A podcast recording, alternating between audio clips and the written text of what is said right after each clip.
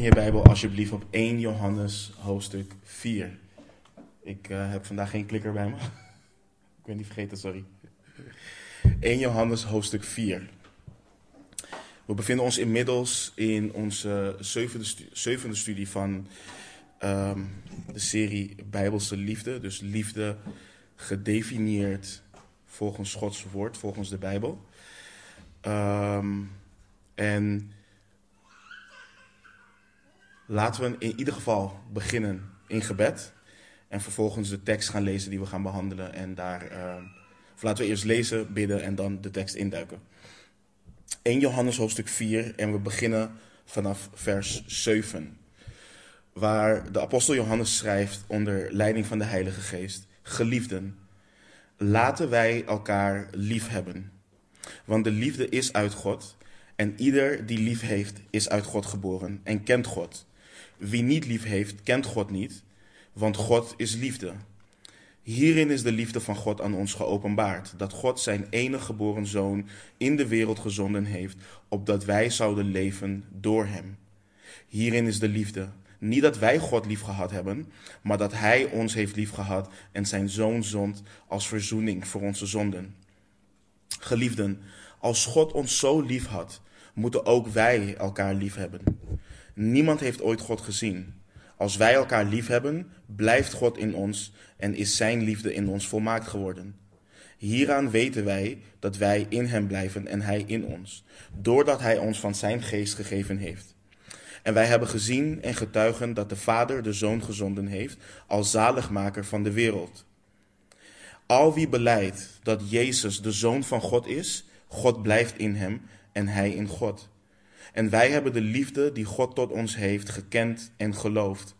God is liefde en wie in de liefde blijft, blijft in God en God in hem. Hierin is de liefde bij ons volmaakt geworden, opdat wij vrijmoedigheid mogen hebben op de dag van het oordeel. Want zoals Hij is, zijn ook wij in deze wereld.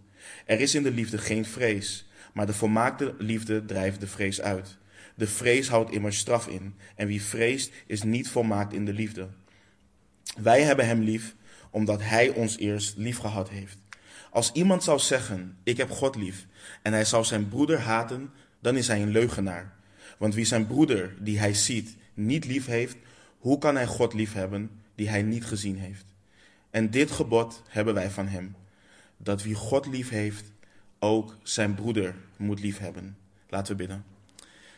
Vader, het is zo'n zegen, Heer, om iedere week, Heer, voor het, in onze persoonlijke tijd ook iedere dag uw woord te openen, Heer, om gemeenschap met u te hebben, om te leren van u, om ons hart, dat ons hart gevormd mag worden door uw woord, Heer. En we bidden dat u, ons, eh, dat u tot ons zal spreken, Heer, dat u ons zal veranderen. Dat niemand van ons hier onveranderd weg zal gaan. Heer, en we bidden dat het niet blijft bij het horen van het woord, maar dat we ook doeners zullen zijn van het woord. Spreek alstublieft tot ons. Geef ons verlichte ogen van ons verstand. En doe alstublieft boven wat wij kunnen bidden en boven wat wij kunnen vragen. In Jezus' naam. Amen. We bevinden ons nu op een punt in de serie dat de nadruk gaat liggen op het liefhebben van elkaar als broeders en zusters. Uh, het liefhebben van elkaar als Gods kinderen, gekocht met het kostbare bloed van het lam. En Gods woord heeft heel veel te zeggen over dit onderwerp. En sterker nog, Gods woord heeft meer te zeggen over het liefhebben van elkaar als broeders en zusters dan over het bijvoorbeeld liefhebben van onze ongelovige naasten. Elk Nieuw Testamentisch boek of brief raakt direct of indirect het onderwerp van liefde voor elkaar als broeders en zusters. En zo raakt Johannes in, in deze korte brief, verdeeld over vijf hoofdstukken, meerdere malen dit onderwerp. En in de tekst wat we vandaag gaan behandelen, laat Johannes ons zien dat liefde voor elkaar als broeders en zusters een bewijs, een teken is dat wij uit God geboren zijn. Het is niet het enige teken, maar Johannes haalt in dit gedeelte dit als teken aan. Johannes, wanneer hij dit schrijft, is inmiddels een, uh, een, een, oude man, uh, wanneer hij deze brief schrijft. En de kerkgeschiedenis leert ons dat toen de apostel Johannes uh, op een hoge leeftijd was, hij zo zwak was dat hij na de kerkbijeenkomsten moest worden gedragen. En aan het eind van de samenkomst zou hij overeind worden geholpen om de kerk een vermanend of een aansporend woord te geven. En iedere keer, als we de kerkgeschiedenis mogen geloven, herhaalde hij: Lieve kinderen, laten wij elkaar lief hebben aan het einde van iedere dienst. En de heiligen, wat er geschreven wordt, de heiligen begonnen moeten worden van iedere keer hetzelfde woord te horen. En vroegen de apostel Johannes op een gegeven moment waarom hij altijd hetzelfde zei. En hij antwoordde omdat dit een gebod van de Heere Jezus is. En als dit alleen al wordt gedaan, is het goed. Dus dit gebod om elkaar lief te hebben is precies, en dat is ook heel belangrijk om te beseffen, precies wat ik zeg, het is een gebod. En het is geen gebod om te gehoorzamen, opdat we gered mogen worden en kinderen van God mogen zijn.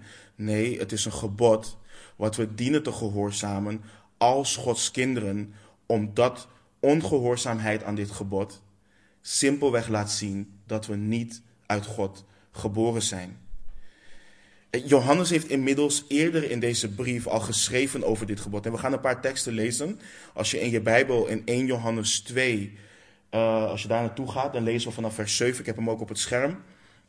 1 Johannes 2 vanaf vers 7 lezen we: Broeders, ik schrijf u geen nieuw gebod, maar een oud gebod, dat u vanaf het begin hebt gehad. Dit oude gebod is het woord dat u vanaf het begin hebt gehoord. Toch schrijf ik u een nieuw gebod dat waar is in hem en in u. Want de duisternis gaat voorbij en het ware licht schijnt reeds. Wie zegt dat hij in het licht is en zijn broeder haat, die is tot nog toe in de duisternis. Wie zijn broeder lief heeft, blijft in het licht en er is in hem niets dat anderen doet struikelen. Maar wie zijn broeder haat, is in de duisternis en wandelt in de duisternis en weet niet waar hij heen gaat, omdat de duisternis zijn ogen verblind heeft. Als je nu een hoofdstuk verder gaat, 1 Johannes 3, lees we vanaf vers 10. Hieraan zijn de kinderen van God en de kinderen van de duivel te herkennen. Ieder die de rechtvaardigheid niet doet, is niet uit God. Evenmin als hij die zijn broeder niet lief heeft. Want dit is de boodschap die u vanaf het begin gehoord hebt: dat wij elkaar moeten liefhebben. Niet zoals Kain, hij was uit de boze en sloeg zijn broer dood. En waarom sloeg hij hem dood? Omdat zijn werken slecht waren en die van zijn broer rechtvaardig. Verwonder u niet, mijn broeders, als de wereld u haat. Wij weten dat wij zijn overgegaan uit de dood in het leven, omdat wij de broeders lief hebben. Wie zijn broeder niet lief heeft, blijft in de dood. Ieder die zijn broeder haat, is een moordenaar. En u weet dat geen moordenaar het eeuwig leven blijvend in zich heeft. Hieraan leerden wij de liefde kennen, dat Hij voor ons zijn leven uh, heeft gegeven. Ook wij moeten voor de broeders het leven geven. Wie dan de goederen van de wereld heeft en zijn broeder gebrek ziet lijden, maar zijn hart voor hem toesluit, hoe kan de liefde van God in hem blijven? Mijn lieve kinderen, laten wij niet liefhebben met het woord of met de tong, maar met de daad en in waarheid. Maar als je verder in hetzelfde hoofdstuk naar vers 23 gaat, dan staat er: En dit is zijn gebod: dat wij geloven in de naam van zijn zoon Jezus Christus. En dat wij elkaar lief hebben, zoals hij ons een gebod gegeven heeft. Nu als laatste, hoofdstuk 5 van 1 Johannes. 1 Johannes, hoofdstuk 5 vanaf vers 1. Ieder die gelooft dat Jezus de Christus is, is uit God geboren. En ieder die hem lief heeft die geboren deed worden, heeft ook lief wie uit hem geboren is. Hieraan weten wij dat wij de kinderen van God lief hebben, wanneer wij God lief hebben en zijn geboden bewaren. Want dit is de liefde tot God, dat wij zijn geboden in acht nemen en zijn geboden zijn geen zware last. Johannes is behoorlijk zwart-wit. Iets wat wij in onze tijd waar wij niet, niet zo goed tegen kunnen. Tegenwoordig zouden we hem dogmatisch, liefdeloos en bekrompen noemen. Want hoe kun je in de tijd waarin wij leven, en vooral in evangelische kringen, schrijven of zeggen dat als iemand zijn of haar broeder of zuster haat, hij of zij nog in de duisternis is? Dat hij of zij nog verblind is? Wie ben jij om over mij te oordelen en, en dit soort dingen te zeggen? Of dat iemand die zijn of haar broeder of zuster haat, een kind van de Satan is. Hoe zouden we dat kunnen zeggen? En toch, toch is dit wat de apostel Johannes, waarvan men hem bestempelt als de apostel van de liefde, onder leiding van de Heilige Geest, schrijft. En wanneer we, als het gaat om Gods woord, moeite hebben met de dingen die we lezen, of de dingen uh, proberen te minimaliseren, dan moeten we altijd beseffen, en we zeggen dit heel vaak, dat dit geen woorden zijn van mensen. Deze woorden hebben hun oorsprong niet in mensen, maar in de levende God van Israël, de God van de Bijbel. En laten we ook onthouden dat de geest die werkzaam was in de apostel Johannes, in de apostel Petrus, ook werkzaam is in ons. Paulus schrijft aan de Corinthiërs in 2 Korinthe 4:13, maar omdat wij dezelfde geest van het geloof hebben, overeenkomstig wat geschreven staat, ik heb geloofd, daarom heb ik gesproken, geloven ook wij en daarom spreken wij ook. We hebben dezelfde geest. De geest die is gezonden om Christus te verheerlijken. De geest die Christus uit de doden heeft opgewekt. En hij heeft deze woorden gegeven aan de apostelen en de discipelen. En dus is het aan deze standaard waaraan een beleidende volgeling van Jezus wordt getoetst. Niet aan psychologie, niet aan pedagogiek, niet aan de tijd waarin we leven. Nee, aan het eeuwige, onfeilbare en toereikende woord van de Heere God. En dat is een vraag, we moeten onszelf die vraag continu blijven stellen. Het woord van God, zie ik dat als iets wat toereikend is? Want tegenwoordig beleiden we allemaal, nee, ik geloof dat het Gods woord is. En ja, ik geloof dat het onfeilbaar is en dat het eeuwig is. Maar daarmee heb je eigenlijk heel weinig gezegd. Geloof je dat het toereikend is? Dat Gods woord het enige is wat ik nodig heb om te leven naar zijn wil, maar ook om te doen, dus als het gaat om het toetsen van elkaar, het zien wat er gebeurt van ons, het beoordelen van wat er gebeurt, om te zeggen, dit is het enige wat ik nodig heb en dit wat hier overgeleverd is, is goed. Daar moeten we naar kijken. En Johannes, wat ik net al zei, Johannes is behoorlijk zwart-wit. En ik had eerst de titel van deze studie, Het effect van Gods liefde, maar toepasselijker is het bewijs van Gods liefde in broeder slash zusterliefde. En als we kijken naar waar ons gedeelte mee begint, en het is ook belangrijk, hè, want we zijn al een keer door, we zijn al door de brief 1 Johannes gegaan en we hebben dit, vers voor vers hebben we dit behandeld. Uh, dus de vers voor vers studie die staat natuurlijk online en we kijken nu in, de, in relatie van onze uh, serie kijken we naar, deze tekst. Dus ik ga niet, iedere, uh, niet, iedere, niet ieder vers behandelen. Maar als we kijken naar het gedeelte waarmee het begint, dan zet dit, zet dit direct de toon. In vers 7 van 1 Johannes 4 schrijft Johannes dus: Geliefden, laten wij elkaar lief hebben, want de liefde is uit God. En ieder die lief heeft, is uit God geboren en kent God. Wie niet lief heeft, kent God niet, want God is liefde. Dus we krijgen hier de oproep om elkaar lief te hebben. En, en de apostel Johannes geeft daar een aantal redenen voor. Maar voordat we dat ontleden, is het goed om het volgende te weten. Liefde kun je niet scheiden van waarheid. Johannes heeft zes versen hierboven geschreven over het toetsen van de geesten. Het toetsen van de leer wat iemand met zich meebrengt of waarin iemand wandelt. Dat heeft hij in, in, uh, in de hoofdstukken hiervoor ook gedaan. In hoofdstuk 2 volgens mij. Hij schrijft over liefhebben en dan schrijft hij opeens over hoe sommigen uit hun midden zijn weggegaan. En dat het uh, heeft laten zien dat ze helemaal niet uit hen waren. Want als ze dat namelijk wel waren, dan waren ze gebleven. Maar het moest openbaar worden dat ze niet uit hen waren. Dus liefde kun je niet scheiden van waarheid.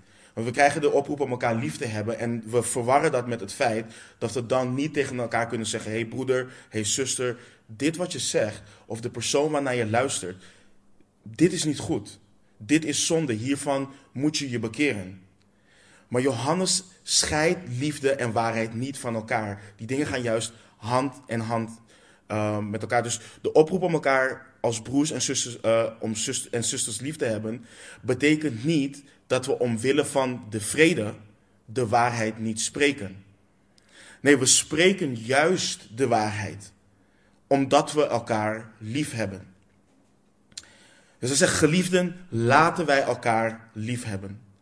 En Johannes wandelt en handelt naar hetgeen wat hij predikt. Want ondanks de harde en vermanende woorden in deze brief, heeft hij hen lief. Hij schrijft deze brief juist omdat hij hen lief heeft. En je ziet dat in het woord geliefden. Dit woord geliefden in het Grieks is het woord agapetos, sorry. En als je denkt, hé, hey, dat klinkt bekend. Nou, dat komt omdat het van het Griekse woord is wat we behandeld hebben, agape. En dit woord wordt alleen gebruikt richting de heiligen van God.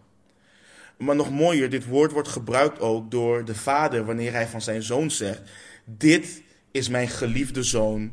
Letterlijk vertaald um, betekent het goddelijke of goddelijk geliefden. En de apostel Johannes houdt intens veel van deze discipelen. En hij schrijft aan hen, laten wij elkaar lief hebben. In het, in het Grieks schrijft Johannes met het werkwoord van agape het woord agapao. Uh, Johannes schrijft letterlijk, laten we ons verheugen in elkaar. Laten we elkaar op een zelfopofferende en onophoudelijke wijze lief hebben. Laten we elkaar hoogachten. En dit waar we als broeders en zusters toe opgeroepen worden, is een immens hoge standaard.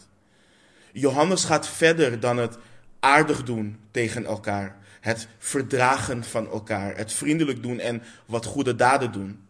Johannes heeft het nogmaals over elkaar op een zelfopofferende en onophoudelijke wijze liefhebben.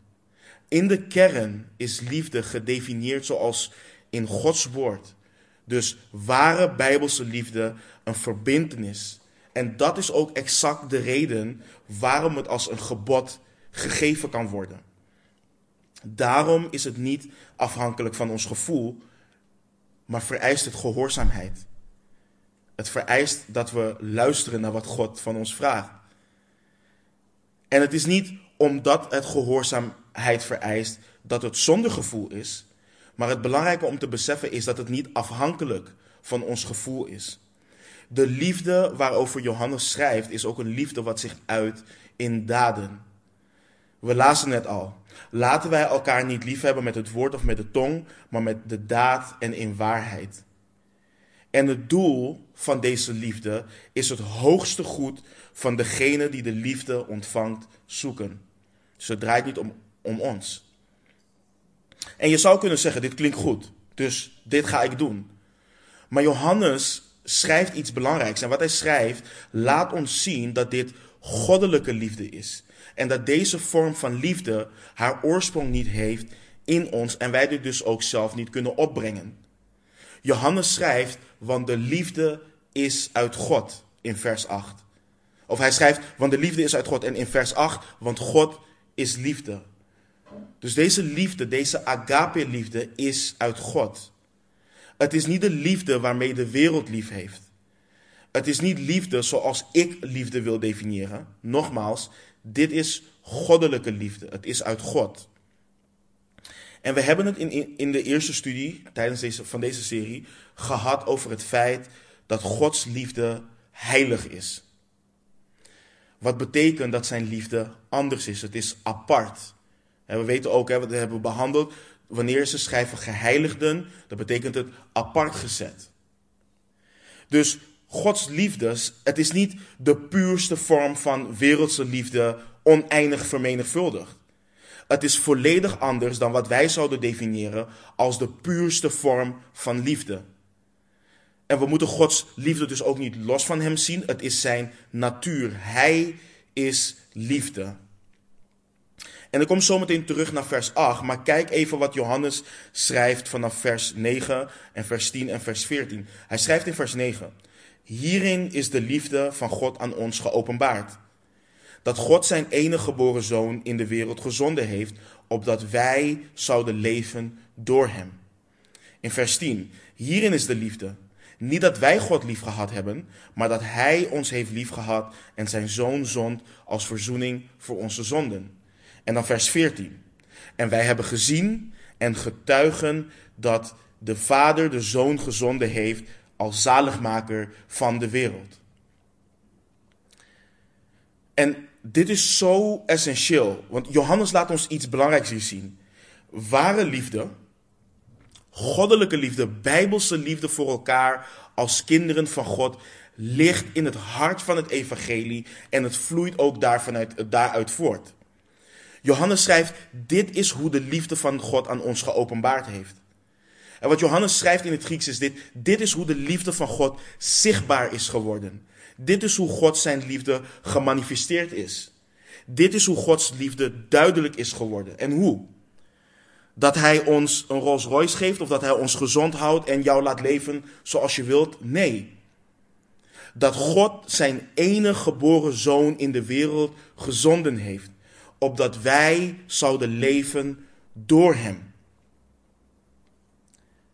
Maar dan zeg je, en ik heb mensen gesproken, je zegt, ik leef, ik adem, ik spreek, ik denk, ik voel, ik leef. Maar de Bijbel zegt, nee, je was dood. En als Christus jouw redder en verlosser niet is, dan ben je nog steeds dood. Want de persoon leeft pas als God overeenkomstig zijn wil hem of haar gebaard heeft door het woord van de waarheid.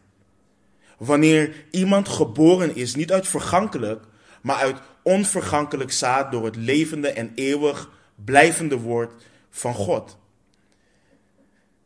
En de woorden van de Heere Jezus luiden in Johannes 3:7. Verwonder u niet dat ik tegen u gezegd heb, u moet opnieuw geboren worden. Het is een absolute noodzaak. Want ieder mens, ieder mens geboren in een religieus gezin, geboren in, als je dat kan zeggen, een religieus land, gedoopt als kind, ieder mens moet opnieuw geboren worden. Ieder mens heeft het nodig dat het evangelie, het goede nieuws dat Jezus Christus is gekomen om te sterven voor de zondaren en op de derde dag op te staan en nu zit aan de rechterhand van de Vader, land in zijn of haar hart en een diep besef geeft van zonden en Gods toorn. Berouw geeft over zonden en een diep, maar dan ook diep besef geeft dat de enige hoop die hij of zij heeft om aan de komende toorn van God te ontsnappen, de levende zoon van God is. Dat God bekering en reddend geloof schenkt en je vergeeft en je zonde wegwast met het bloed van Jezus en zijn geest plaatst in jou, waardoor je nieuw leven um, krijgt. En wat er gebeurt is, is dat je volledig verandert. Gods liefde transformeert je compleet. En, en waarom is het belangrijk om dit te zeggen? Want je hebt ook in de beleidende kerk, ook beleidende volgelingen van Jezus. Ja, maar het gaat wel veel over zonde. We praten iedere week over zonde. En het is toch allemaal liefde nu. Maar we moeten beseffen, ieder mens voor dat moment verteerd en geleid wordt door de begeerte van het vlees, de begeerte van de ogen en de hoogmoed van het leven. Ieder mens, voordat zij in Christus komen, tot Christus komen, is onverstandig, ongehoorzaam, dwaalt, verslaafd aan allerlei begeerten en hartstochten, levend in slechtheid en afgunst, hatelijk en aansluitend op het thema van vandaag, anderen hatend. Dat is wat Paulus schrijft in Titus 3. Dit zijn nogmaals niet de woorden van mensen. Dus vanuit onze natuur, vanuit onze gevallen en zondige natuur, zijn wij niet in staat om anderen lief te hebben op een onophoudelijke en zelfopofferende manier. We zoeken niet het hoogste goed van een ander. Want egoïsme regeert in het hart. En ik verzin dit niet. Kijk naar de wereld om je heen. Een voorbeeld. Uit verschillende onderzoeken blijkt dat met zo'n 7 miljard euro per jaar, dat, is het minimum dan, je al alle hongersnood in de wereld zou kunnen oplossen. 7 miljard euro per jaar. Je zou de komende 50 jaar hongersnood in de wereld kunnen oplossen door 7 miljard van de 50 rijkste mensen ter wereld te innen. En die mensen zouden nog steeds multimiljardair zijn. Nog steeds. En dit is op groot, op hoog niveau, op macroniveau, op grote schaal. Maar ook zo zijn wij, die verre van miljonair zijn, althans ik ben verre van de miljonair, ook egoïstisch. En zijn we voornamelijk bezig met wat wij zelf willen en dat vaak ten koste van anderen. Dit komt voort uit liefde voor zelf. Dit is onze standaard, dit is onze norm. Dit is hoe wij worden geboren. En voor de ouders en grootouders onder ons, we kennen allemaal die diepe en intense schreeuw van onze kinderen die huilen alsof de wereld vergaat. Die ellendige staat. Maar niet omdat ze honger of dorst hebben, niet omdat ze pijn hebben, maar omdat ze het dodelijkste woord op aarde ooit hebben gehoord. Nee. Wanneer ze dat woord horen, we kennen allemaal hoe intens ons kinderen kunnen huilen. En ik zeg je, als dat kind fysiek groot en sterk genoeg was om je iets aan te doen, dan had het je dat ook gedaan. Dit is onze norm, dit is onze standaard. We dit wordt ons niet aangeleerd, dit is hoe we worden geboren als zonen en dochters van Adam. En al deze dingen regeren in ons hart zonder Christus. Het, het, het aanbieden van je excuses. Het vragen van vergeving. Waarom doen we dat niet? Waarom vinden we dat zo moeilijk? Omdat we dat geërfd hebben van Adam. Het is niet mijn schuld. Het is de vrouw die u mij gaf. En voor die vrucht was Eva nog been van mijn beenderen en vlees van mijn vlees. Zij was manin.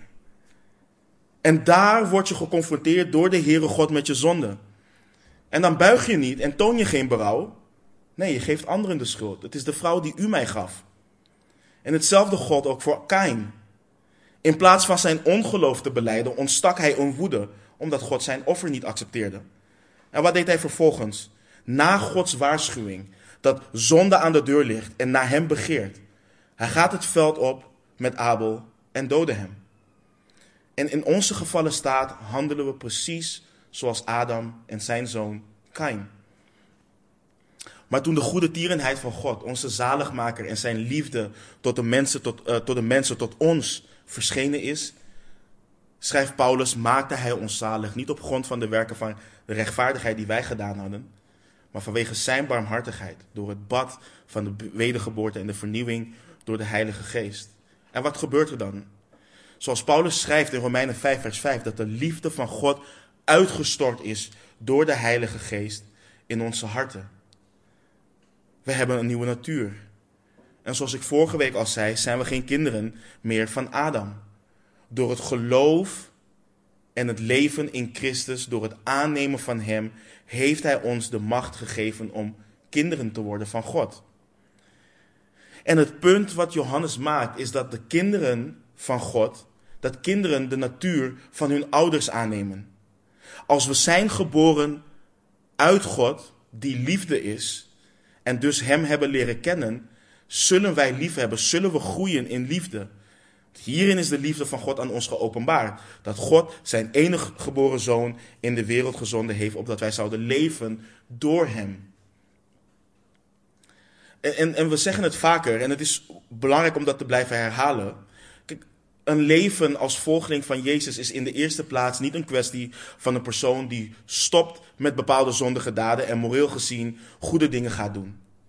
Het is niet dat je eerst niet religieus was en de zondagen uitsliep of naar de sportschool ging of wat je, wat je dan ook maar deed. En nu opeens ga je zondagochtend naar kerkelijke samenkomsten. Een leven als volgeling van Jezus is in de kern dat God nieuw leven heeft geschonken aan zijn vijanden, aan mensen die tegen hem rebelleerden. En, en daarom schrijft hij ook, hierin is de liefde. Niet dat wij God lief gehad hebben, maar dat hij ons heeft lief gehad en zijn zoon zond als verzoening voor onze zonden. En om ons te, uh, te behoeden tegen de, de hoogmoedige gedachte dat we onszelf zo liefdevol vinden, herinnert Johannes ons eraan dat de liefde niet in ons is. En dat niet het initiatief bij ons lag, maar dat de liefde ligt in het feit dat hij zijn zoon zond als verzoening van onze zonde. Het initiatief lag volledig bij God. En mocht het zo zijn dat wij overstromen van liefde voor onze broeders en onze zusters, laat het dan zo zijn dat wij Hem de eer geven. Want het, het ligt niet in het feit dat wij Hem hebben liefgehad, maar dat Hij het initiatief nam, zoals we ook lezen in Romeinen 5, vers 8. En als je dit zo leest en hoort, en je gaat vervolgens naar vers 11, geliefden, als God ons zo lief had, moeten ook wij elkaar lief hebben. En let op het woord moeten. Wij hier in het Westen en vooral in Nederland, wij houden niet van moeten. Als iets moet, dan wordt het spannend. Dan wordt het benauwend. Maar Johannes schrijft onder leiding van de Heilige Geest: Geliefden, als God ons zo lief had, moeten ook wij elkaar lief hebben. Dus het krachtige bewijs, de krachtige demonstratie van Gods liefde hoort ons te drijven tot liefde voor de rest van zijn kinderen. Voor jouw broers en je zussen in Christus. En de reden waarom Johannes zegt, als God ons zo lief had. Johannes impliceert hiermee, let op de liefde van de Vader. Zelfopofferend en onophoudelijk gericht op het welzijn van de ander. En dit is alles behalve makkelijk. Maar als het makkelijk was, dan hadden we het krachtige voorbeeld van Gods liefde voor ons in het werk van zijn zoon niet nodig. Maar we hebben het wel nodig. We hebben het nodig om op het offer van Christus gewezen te worden. Daarom ook wanneer we het avondmaal vieren, dan herdenken we, dan gedenken we wat Christus gedaan heeft voor ons. Dat hij zijn lichaam heeft gegeven. Dat zijn bloed heeft gevloeid aan het kruis voor zondaren, voor ons. We hebben het nodig, want zoals we in Matthäus 5, vers, 6, eh, vers 46 en vers 47 lezen, zegt de Heer Jezus heel confronterend. Want als u hen lief hebt, die u lief hebben, wat voor loon hebt u dan? Doen ook de tollenaars niet hetzelfde. En als u alleen uw broeders groet, wat doet u dan meer dan de anderen? Doen ook de tollenaars niet zo? Werelds gezien is het niet moeilijk om lief te hebben wie jou lief heeft. In een huwelijk ook niet. Weet je, als je partner doet wat je wilt en niet doet wat je niet wilt, dan gaat het vanzelf. Hetzelfde geldt ook voor je kinderen en hetzelfde geldt voor je broers en voor je zussen in Christus. Maar Johannes geeft ons het hele voorbeeld en herinnert ons aan het evangelie opdat we niet vergeten. Dus vind je het moeilijk om die ene broeder of zuster lief te hebben? Vergeet niet dat God voor jou gestorven is toen je een zondaar dood in jouw zonden en overtredingen was. Hij kwam niet in, in, in een wereld met enkele zondaars. Jezus kwam in een wereld met niets en niemand anders dan zondaren. En daarom is het bewijs, zoals we ook al eerder in vers 7 lazen. Ieder die lief heeft, is uit God geboren en kent God. En ook in vers 12. Als wij elkaar lief hebben, blijft God in ons en is zijn liefde in ons volmaakt geworden.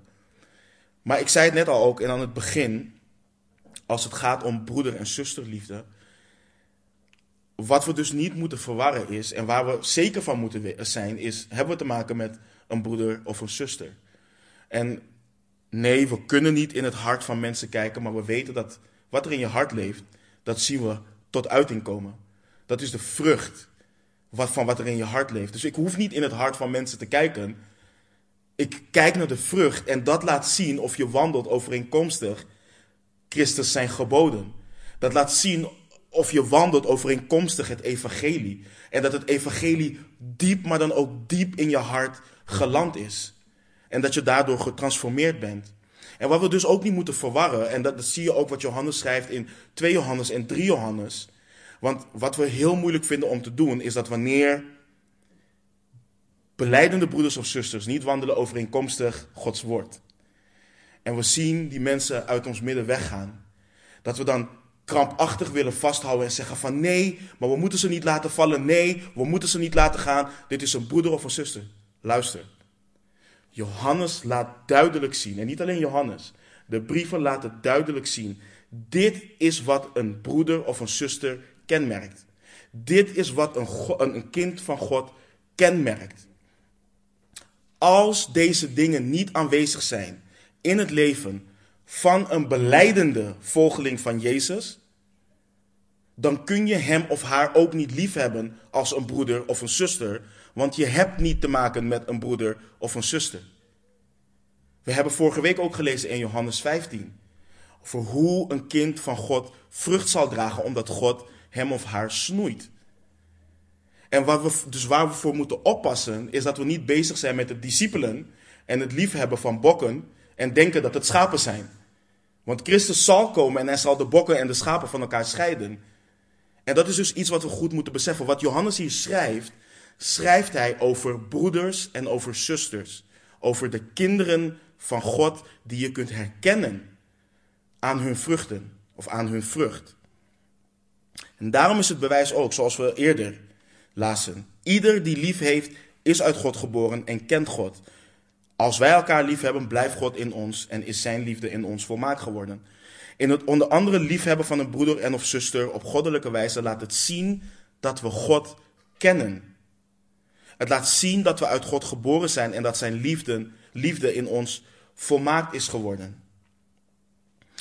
En we hebben het al eerder behandeld, maar de tekst gebiedt me het herhalen, te herhalen.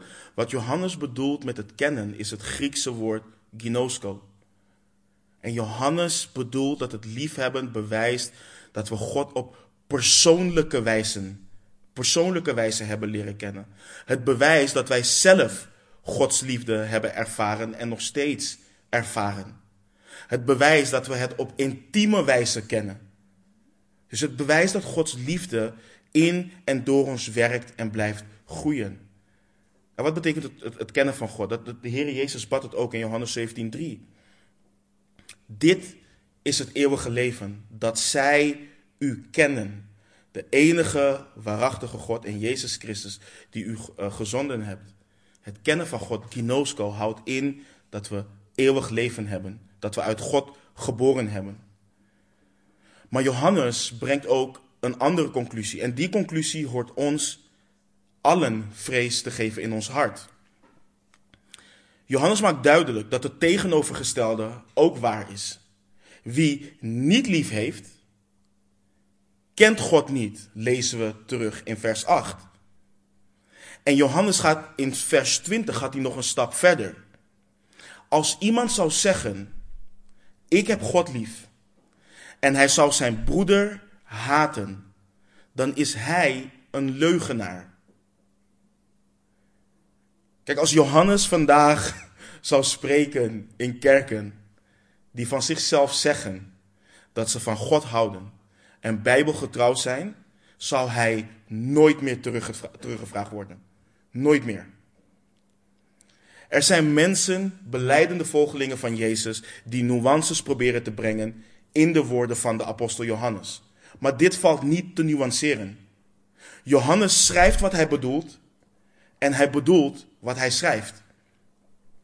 Als je niet lief hebt, als je niet lief hebt op zelfopofferende wijze, als je je broeder en of zuster niet lief hebt op onophoudelijke wijze en je zijn of haar welzijn hierin niet zoekt en je eigen zoekt, dan ken je God niet en ben je een leugenaar.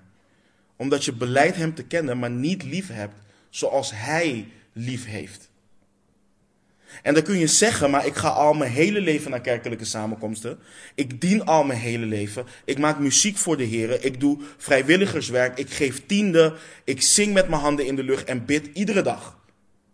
Johannes is duidelijk. Als je niet agapao, dus niet liefhebben met het woord of met de tong, maar met de daad en in waarheid. Als je dat niet doet, als dat niet leeft in je hart, dan ken je God niet.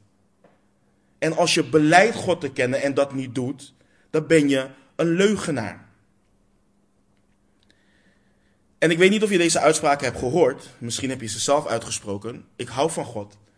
Maar de kerk, zijn lichaam, is niets voor mij. Het is allemaal hypocriet in de kerk. Of ik hou van broeders en zusters op afstand. Ik heb niet de kerk nodig om te bewijzen dat ik een volgeling van Jezus ben. Ik heb alleen de Bijbel nodig. Als, als je dat zegt, dan laat het al zien dat je je Bijbel niet leest. Al die uitspraken laten zien dat je niet uit God geboren bent. Ik ken genoeg broeders en zusters die je kunnen vertellen wat voor afkeer ze hadden voor God. En voor zijn kerk, voordat ze tot geloof kwamen. En ze hoorden het evangelie. En God heeft hen reddend geloof gegeven. En er is er misschien, er is misschien nog niet eens verteld over kerkelijke samenkomsten, maar hun hart brandde van verlangen ernaar. En toen ze hun eerste stap zetten in een gemeente vervuld met de Heilige Geest, ze zeker wisten dat ze als het ware thuisgekomen waren. Dat is wat, wat, wat het evangelie met je doet. Dat is wat het ware evangelie met je doet. Het ware evangelie produceert niet in je, ik moet zondag naar de kerk. Het ware evangelie produceert in je, ik kan niet wachten om samen te komen met mijn broeders en mijn zusters en om God samen te aanbidden in geest en in waarheid. Dat is wat het doet. En let bijvoorbeeld op Paulus. Paulus zijn verlangen en liefde voor de gemeente. In Romeinen 1, vers 10 tot en met 12. Dan schrijft Paulus: Steeds weer vraag ik in mijn gebeden. Of mij, zo mogelijk, door de wil van God eens een goede gelegenheid geboden zal worden om naar u toe te komen. Want ik verlang er vurig naar u te zien, om u in enige geestelijke genadegave te laten delen, waardoor u versterkt zou worden. Dat is te zeggen, om in uw midden samen bemoedigd te worden door het onderlinge geloof, zowel dat van u als dat van mij. In Filippenzen 1, vanaf vers 7, daar schreef Paulus ook, het is immers voor mij terecht dat ik dit van u allen denk omdat ik u allen in mijn hart heb als deelgenoten van mijn genade. Zowel in mijn gevangenschap als de verdediging en bevestiging van het evangelie. Want God is mijn getuige hoe vurig ik naar u allen verlang met de innige gevoelens van Jezus Christus. Dus we kunnen niet zeggen van God te houden en onze broeders en zusters niet lief hebben. Als iemand zou zeggen, ik heb God lief en hij zou zijn broer broeder lief haten, dan is hij een leugenaar. En wat bedoelt Johannes met haten? Want het klinkt heftig en we zijn snel geneigd om te, eh, om te rusten in het feit dat we denken dat we onze broeder of zuster niet haten. En het woord betekent in het Grieks, Grieks minder lief hebben dan. Minder achten. Het betekent ook verafschuwen. God heeft een standaard gegeven om elkaar lief te hebben. En de wijze waarop, wij, waarop Hij ons heeft liefgehad, en als dat niet regeert in onze harten voor elkaar, dan haten we elkaar.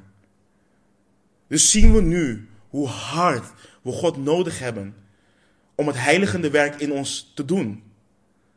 Om te wandelen zoals Hij wil dat we wandelen. Om te praten zoals Hij wil dat we praten. En te denken zoals Hij wil dat we denken.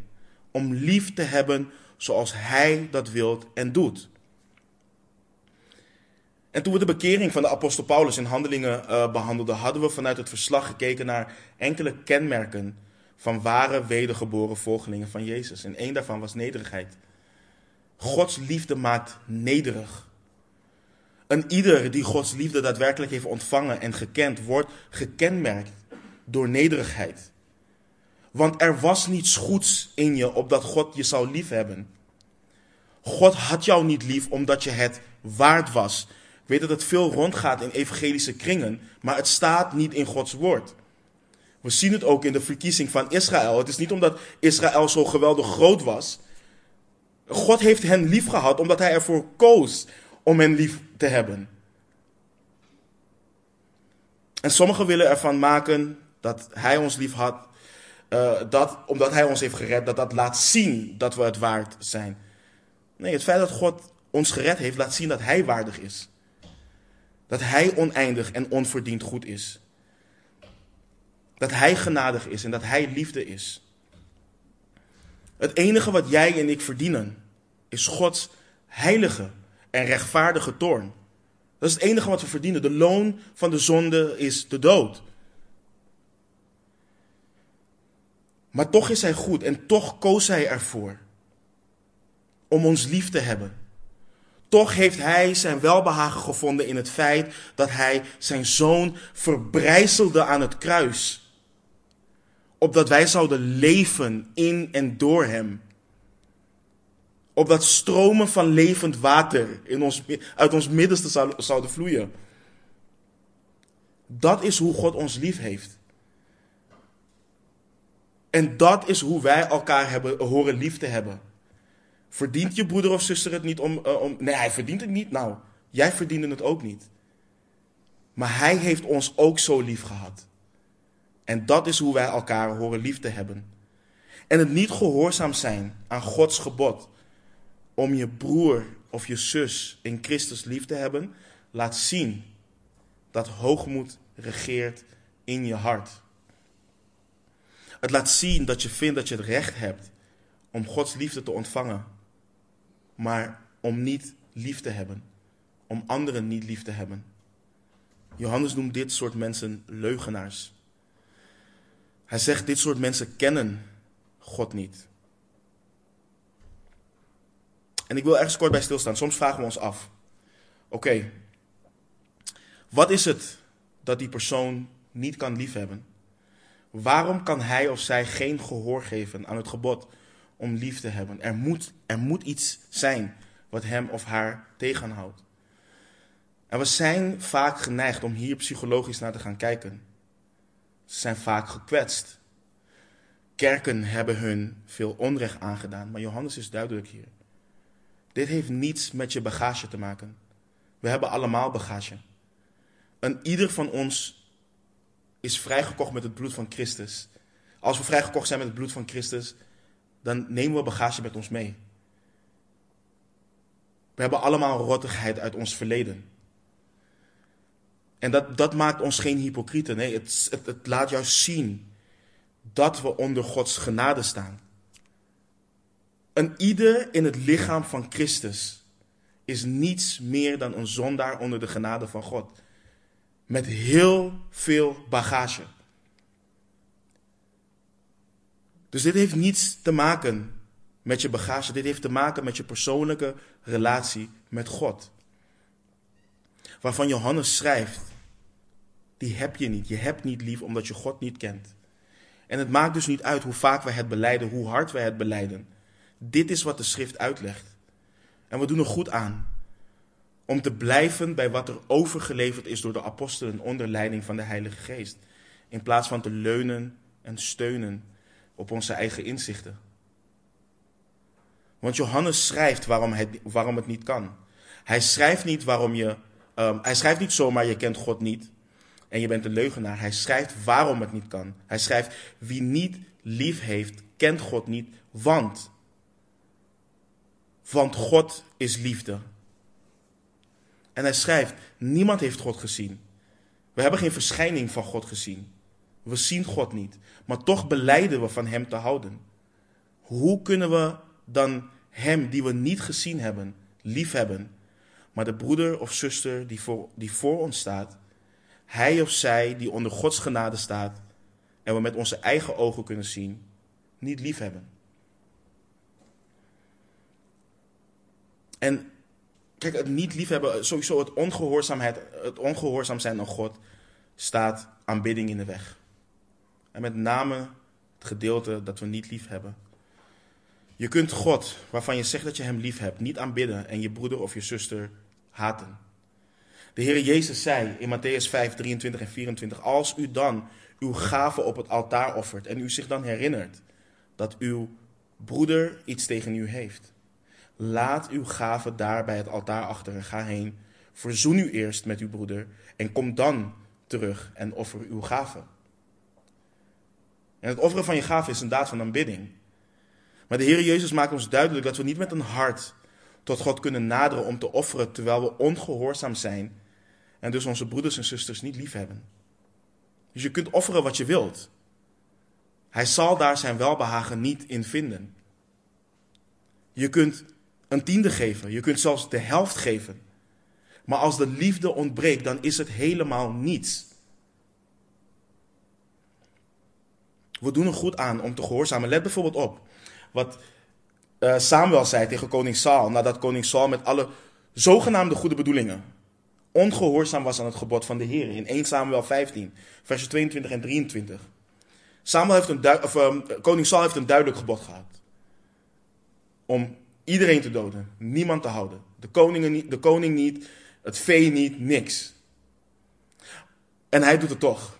En, en in zijn hoofd denkt hij, weet je, ik hou het goede vee en dat ga ik offeren aan de Heere God. Hij zal ze wel behagen daarin wel vinden.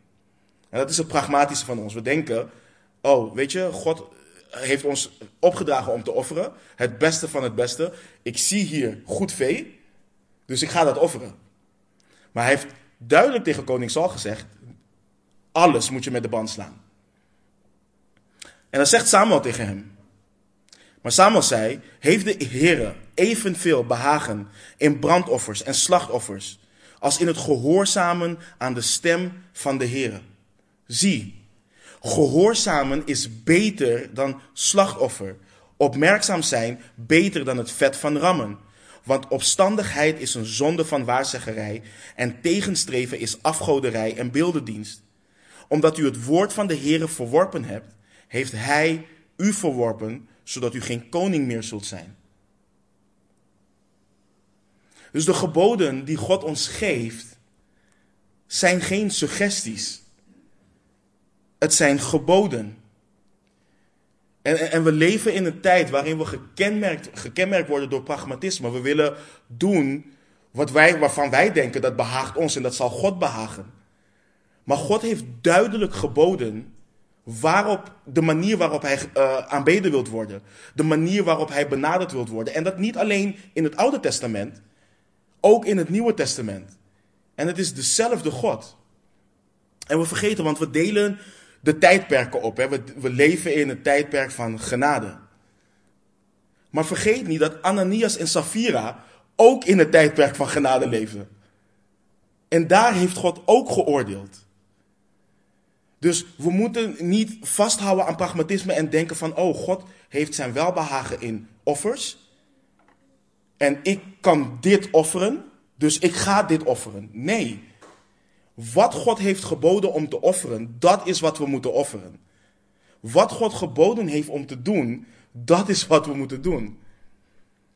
En als wij gekenmerkt worden door Gods liefde, dan zullen we de broeders en zusters ook lief hebben. Dan kan het niet anders dan dat we dat doen. En we leven ook in een tijd waarin zij die leven naar het woord van God en handelen naar het woord van God, vaak fariseeën en dogmatisch worden genoemd. Maar het probleem van de fariseeën was dat ze beleden God te kennen en beleden zij wet te kennen, maar ze zich daar niet aan hielden. Ze hadden eigen wetten waar ze zich aan hielden. En in het kader van onze serie, in het kader van liefde, ware liefde zoals gedefinieerd in het woord van God, moeten we vragen, kan ik zeggen dat ik God ken? Heb ik zijn kinderen lief? Heb ik zijn kinderen lief met de liefde die hij uitgestort heeft in mijn hart? Zelfopofferend, onophoudelijk, met het welzijn van mijn broeder en zuster vooropgesteld. En als dat niet zo is, dan kun je beleiden dat je een kind van God bent, maar Gods woord zegt dat je dan een leugenaar bent. Het bewijs dat je God kent, dat je uit God geboren bent, in de tekst voor ons, is dat jij en ik elkaar lief hebben. Het is het feit dat we gedreven worden om de ander lief te hebben. Zoals Paulus ook schrijft in zijn tweede brief van de Corinthiërs in hoofdstuk 5, dat de liefde van Christus hun dringt. Drink de liefde van Christus jou om anderen lief te hebben. En Johannes wil dat je de zekerheid hebt en dat je kunt toetsen of deze dingen in jouw leven zijn en groeien. Dat is ook, dat is ook het prachtige van, van, van deze brief. Johannes continu laat hij zien, je zegt dit, als je dit zegt, dan moet het zo zijn. Maar als het niet zo is, dan doe je en ben je niet wat je beleidt. Wie zegt in het licht te zijn, maar nog steeds in het, don, in het, in het duisternis wandelt. Dat is continu wat Johannes doet in deze brief. Een brief. Stel dat je ziet dat deze dingen niet aanwezig zijn in jouw leven. Stel je ziet en je erkent dat het makkelijk voor jou is om contact te verbreken met een broeder of een zuster. Je vindt het prima. Weet je, als het hier niet werkt, ga ik wel naar een andere gemeente. Stel dat je weigert je nederig op te stellen en het liefdevolle te doen en je te verzoenen met je broeder of zuster. Dan rest je maar één ding. En dit is wat je moet doen totdat je Gods vrede die ons verstand te boven gaat ervaart. En dat is wat er in Jesaja 55 staat, vers 6 en 7. Zoek de Heer, terwijl hij te vinden is. Roep hem aan, terwijl hij nabij is. Laat de goddeloze zijn weg verlaten. De man van onrechtvaardigheid zijn gedachten. Laat hij zich bekeren tot de Heer, dan zal hij zich over hem ontfermen tot onze God. Want hij vergeeft veelvuldig. En laat dit je hart doorzoeken. En laat het landen in je hart dat dit zaken zijn van eeuwigheidswaarde. We moeten hier niet lichtzinnig mee omgaan. Over twee studies gaan we zien hoe de Heer Jezus zegt dat de wereld zal zien dat wij zijn discipelen zijn als wij elkaar lief hebben.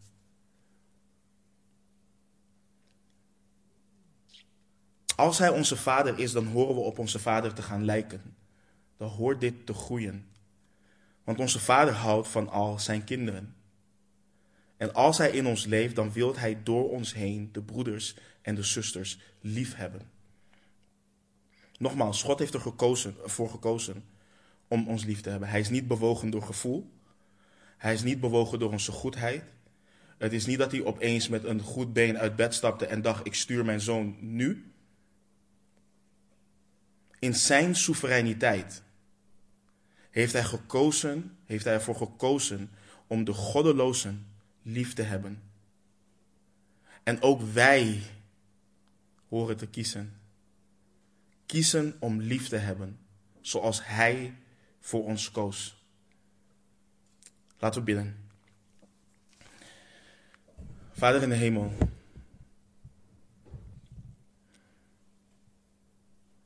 Heer, u bent zo goed, Heer.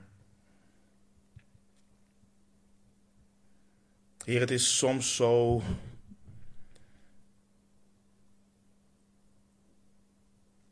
Het is zo confronterend, Heer, om hier doorheen te gaan. En... Maar het is zo goed, Heer, want U wilt. U wilt dit voor ons. U wilt dit met ons. En U wordt hierdoor verheerlijkt, Heer, als wij liefde onder elkaar hebben. En ik bid voor de broeders, voor de zusters. Heer, dat wij elkaar zullen liefhebben zoals u ons lief gehad hebt, Heer. Zoals u ons lief heeft. Ik bid dat wij als gemeente gekenmerkt zullen worden door uw liefde. Voor u en voor elkaar.